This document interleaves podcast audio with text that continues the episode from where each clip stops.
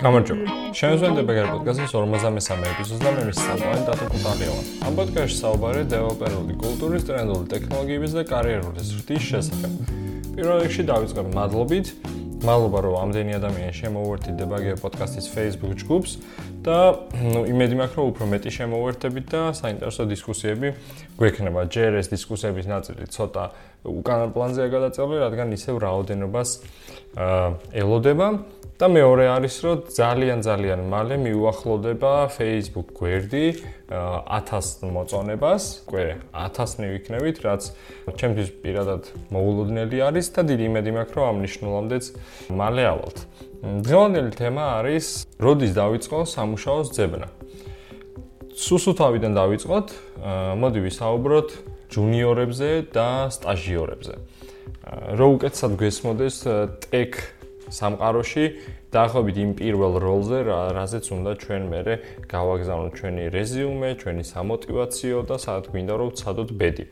ზოგადად მოდი დავიწყებ ინტერნეტ, რომ ეს სტაჟიორი არის ისეთი კადრი, რომელსაც ინდუსტრიაში არ აქვს საერთოდ გამოცდილება და სადაც მივა ის სამუშაო ადგილი იქნება მისთვის პირველი რეალური გამოცდილება. დაახლოებით 3 თვე, ალბათ საკმარისი არის, რომ ზოგადად გაეცნო ამ ინდუსტრიას, აღმოაჩინო რა ხდება აქ, როგორ ხდება ინტერაქცია, რა არის ზოგადად ის ტერმინები, რაც აქ ტრიალებს და უკვე ამ სამთვიანი შეჩვევის პერიოდის შემდგომ ხდები უკვე როგორც დამწყები ჯუნიორ დეველოპერი.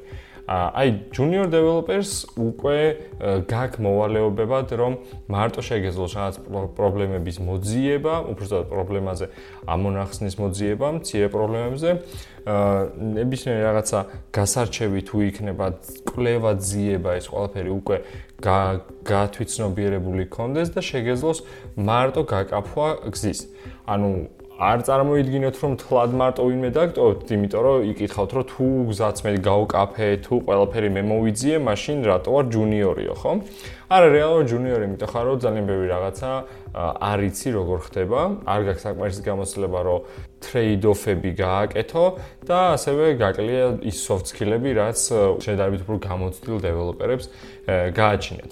ამიტომ ჯუნიორობა ცოტა უფრო, ანუ ეს სამ სამ თვეზე არ არის, უფრო განგზობითი პროცესია, შეიძლება ერთი წლის განმავლობაში წელიწადნახევარი იყო როგორც ჯუნიორი, თუმცა აი ვითარდებით სუსუზუ დამწყები, როდან უკვე რო რაღაც მიდლი ხდები ამ სპექტრში მოძრაობ. თავარი არის, რომ აი ეს კვლევა ძიება, თქვა Stack Overflow-ზე შესვლა, ბლოგები, დოკუმენტაციის გარჩევა, მენტორი, მე როდესაც რაღაცებს გასწავლის და მითითებებს გაძლევს, იმის გაცნობიერება და ზოგადად ამ უკავშირის კარგად მიღება. ძირითადად ეს მოეთხოვათ დამწყებ დეველოპერებს და ის მინიმალური ტექნიკური კომპეტენცია რა სფეროშიც არიან. ეს იქნება front-end development-ი, back-end development-ი თუ mobile development-ი. მნიშვნელობა არ აქვს. მე შემდგომი როლები უკვე არის, თქვათ, middle, მასაც დიდი სპექტრი აქვს და senior-ი, რომელიც კიდე დიდ სპექტრში ამ თლიანეს არის განგზობითი და შემდგომ უფრო და უფრო იცვლება და სხვადასხვა სახელები ქვია ეს lead-ი იქმნება თუ რაღაც super senior ან principal engineer-ი ან ამ ამ ტერმინებს ზემოთ ზემოთ ზემოთ ზემოთ დიდი მნიშვნელობა არ აქვს და პირიქით უფრო და უფრო მეტ გართულებებს იწვევს ხოლმე, იმიტომ რომ ბევრ კომპანიას უნდა რომ თავის ინჟინერს ერქვას თქვა პრინციპალ ინჟინერი, რომ გული არატკენინოს და ამ სამსახურში შენ თავი გონია უკვე რომ რაღაც სუპერ ბუპერ სენიორი ხარ და სხვა კომპანიისთვის რეალურად ეგრე არ გამოდიხარ და მთელი გულის ტკივილებია რა. ამიტომ დავიწყო ცოტა ქვემოდან, სადაც მეტნაკლებად თანხდებით რაღაცეებზე და სტაბილურად ვართ, ანუ დამწყებები, სტაჟიორები, მიდლები და აი თუ როდესაც დაიწყებ პირველი სამუშაოს ძებნას, ხო? ანუ ეს გაცნობიერებული გექნება დაახლოებით სად გინდა რომ მოხვდე, ხო? ამის შემდგომ იწყება უკვე შესაბამისად რეზიუმეს მოწესრიგება Facebook-ზე წინა კვირას და იმის წინა კვირას, ორი კვირის წინ, ანუ ქონდა ორი ძალიან გრძელი და კარგი ლაივი ჩემს მეგობრებთან ერთად, როგორ დავჰაკოთ ტექ რეზიუმე და როგორ დავჰაკოთ ტექნიკური გასაუბრება. მე თუ მკითხავთ ორივეს აუცილებლად უნდა უყუროთ თუ ამ პოდკასტის მსმენელები ხართ, მინიმუმ გადაახვიოთ მაინც ისეთ ნაწილებზე, სადაც მიდის რეზიუმეს განხილვა, საკუთრ რჩევების მოცემა და ასე შემდეგ. ასე რომ მინიმუმ შეხედეთ მაინც. ხო და როდესაც აი ამის შესაბამისად გაამზადებთ რეზიუმეს, აა უკვე ფიქრობთ, რომ კარგი. აი ხა უნდა წავიდე და ვეძებო სამსახური, მაგრამ მოიცა. სამ სამსახურის ძებნაზე გადახვალ, მოდი ვიტყვი, ბარემ, თქვა სტუდენტი თუ ხარ, როდის ჯობია რომ დაიწყო სამუშაო ძებნა. ასე ერთპიროვნულად, თქვა რო თქვა რაღაც მომენტი, რომ დღეს დღეიდან უკვე ჯობია სამსახურის დაწყება. არა, თუმცა მაინც რაღაც პერიოდი არის, მაგალითად, პირველი კურსის შემდგომ საზაფხულო დასვენება როცა იწყება, ძალიან კარგი დრო არის ნელ-ნელა სტაჟირებაზე მოხვდეთ როგორმე, თქვენი არსებული პირველი კურსის ცოდნა გამოიყენოთ, სადაც უკვე ერთ ენაზე მაინც გასწავლდნენ დაპროგრამებას, რაღაცა ტერმინები უკვე გეცოდინებოდა და აი ამ ყველაფრის გათვალისწინებით წარმატებული 3 თვე შეგიძლიათ როგორც სტაჟიორმა გაატაროთ და სწავლის დაწყებასთან ერთად შეგიძლიათ რომ ნელ-ნელა უკვე ჯუნიორ, ანუ დამწყებ დეველოპერის ამპლუაში გადაერთოთ. ამას დაემატება, რომ თქვა თუ უნივერსიტეტში სწავლობთ, უნივერსიტეტის არის ცოდნა, უფრო პრაქტიკას შეერწყმება და უფრო მეტად შეგეძლებათ რაღაც საკითხებს შეხედოთ და გაიგოთ, ვიდრე აქამდე. თუ უნივერსიტეტში არ სწავლობთ, ანუ საერთოდ პროფესიას იცვლით, მაგ შემთხვევაში ეძებეთ თქვენთვის ყველაზე კომფორტული და მოსახერხებელი დრო.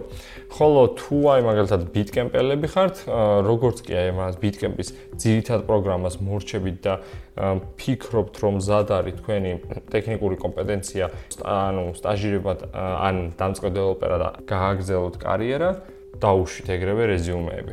და აი ახლა გადავდივარ ზუსტად რეზიუმეების ნაწილზე. ყველგან, ყველგან, ყველგან ეცადეთ რომ გააგზავნოთ რეზიუმე. ყველა კომპანიას მიწერეთ თუ თუ არ ეძებენ, თქვენ თვითონ მიწერეთ იქით და ეცადეთ რომ თქვენი უნარჩვევები გაყიდოთ მაქსიმალურად. ანუ უნდა გაყიდოთ თქვენი უნარჩვევები. ეს არის დასაწყისის და ბოლოც ამ ყოლაფრის, ხო? და ყველაზე მნიშვნელოვანი არის თქვენ თვითონ როგორ უდგებით ამ საკითხს და თქვენ თვითონ როგორ გრძნობთ Twitch შეფასება როგორი არის.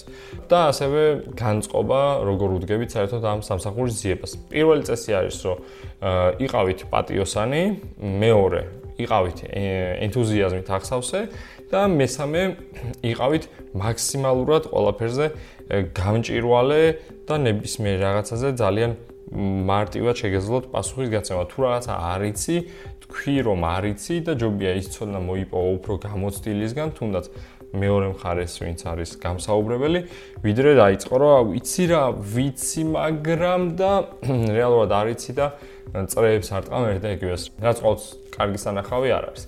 და აქედან გადავდივართ აი ტექნიკური უნარჩვევები, უშუალოდ ტექნიკური სკილები, რაც დაგჭირდება, მაგას ძირითადად ნაწილს მაინც სამსახურში აითვისებ, რადგანაც არ ჯუნიორებს, არ უმეტეს სტაჟიორებს არ მოეთხოვათ რაღაც განსაკუთრებული ტექნიკური კომპეტენცია. თქვენ აყავხართ თქვენი ის მონდომების ენთუზიაზმის, აი მონდომების ენთუზიაზმის და რაღაც მომავლის იმედით, რომ შემდგომ ტექნიკური სკილები სამუშაოზე დახვეწოთ. მოკლედ, დღევანდელი თემა თუ როდის დაიწყო სამუშაოს ძებნა არის, რომ რაც შეიძლება მალე გააგზავნოთ ყველგან სადაც შეგიძლიათ, გააკეთეთ თქვენი უნარჩვევები, თქვენი შეხედულებები და თქვენი მონდომება უნდა აისახებოდეს ყველა გასაუბრებაზე, თქვენი პატიოსნება, თქვენი ენთუზიაზმი და დაფიქრდით, თქვენი რეზიუმეს რა აკლია და როგორ შეიძლება უკეთესად გადააკეთოთ. ტექნიკური უნარჩვევები ყოველთვის არ არის ის, რასაც უნდა დაეყრდნოთ, იმიტომ რომ არ შეგვიძლია რომ ყველაფერი იცოდე. არის რაღაცები, რასაც ისწავლი შემდგომ გზაზე, კეთების დროს. დღეისთვის სულ ეს იყო. მადლობა ყურადღებისთვის და თქო დაალაიქო Facebook გვერდი. ნახვამდის. Thank you.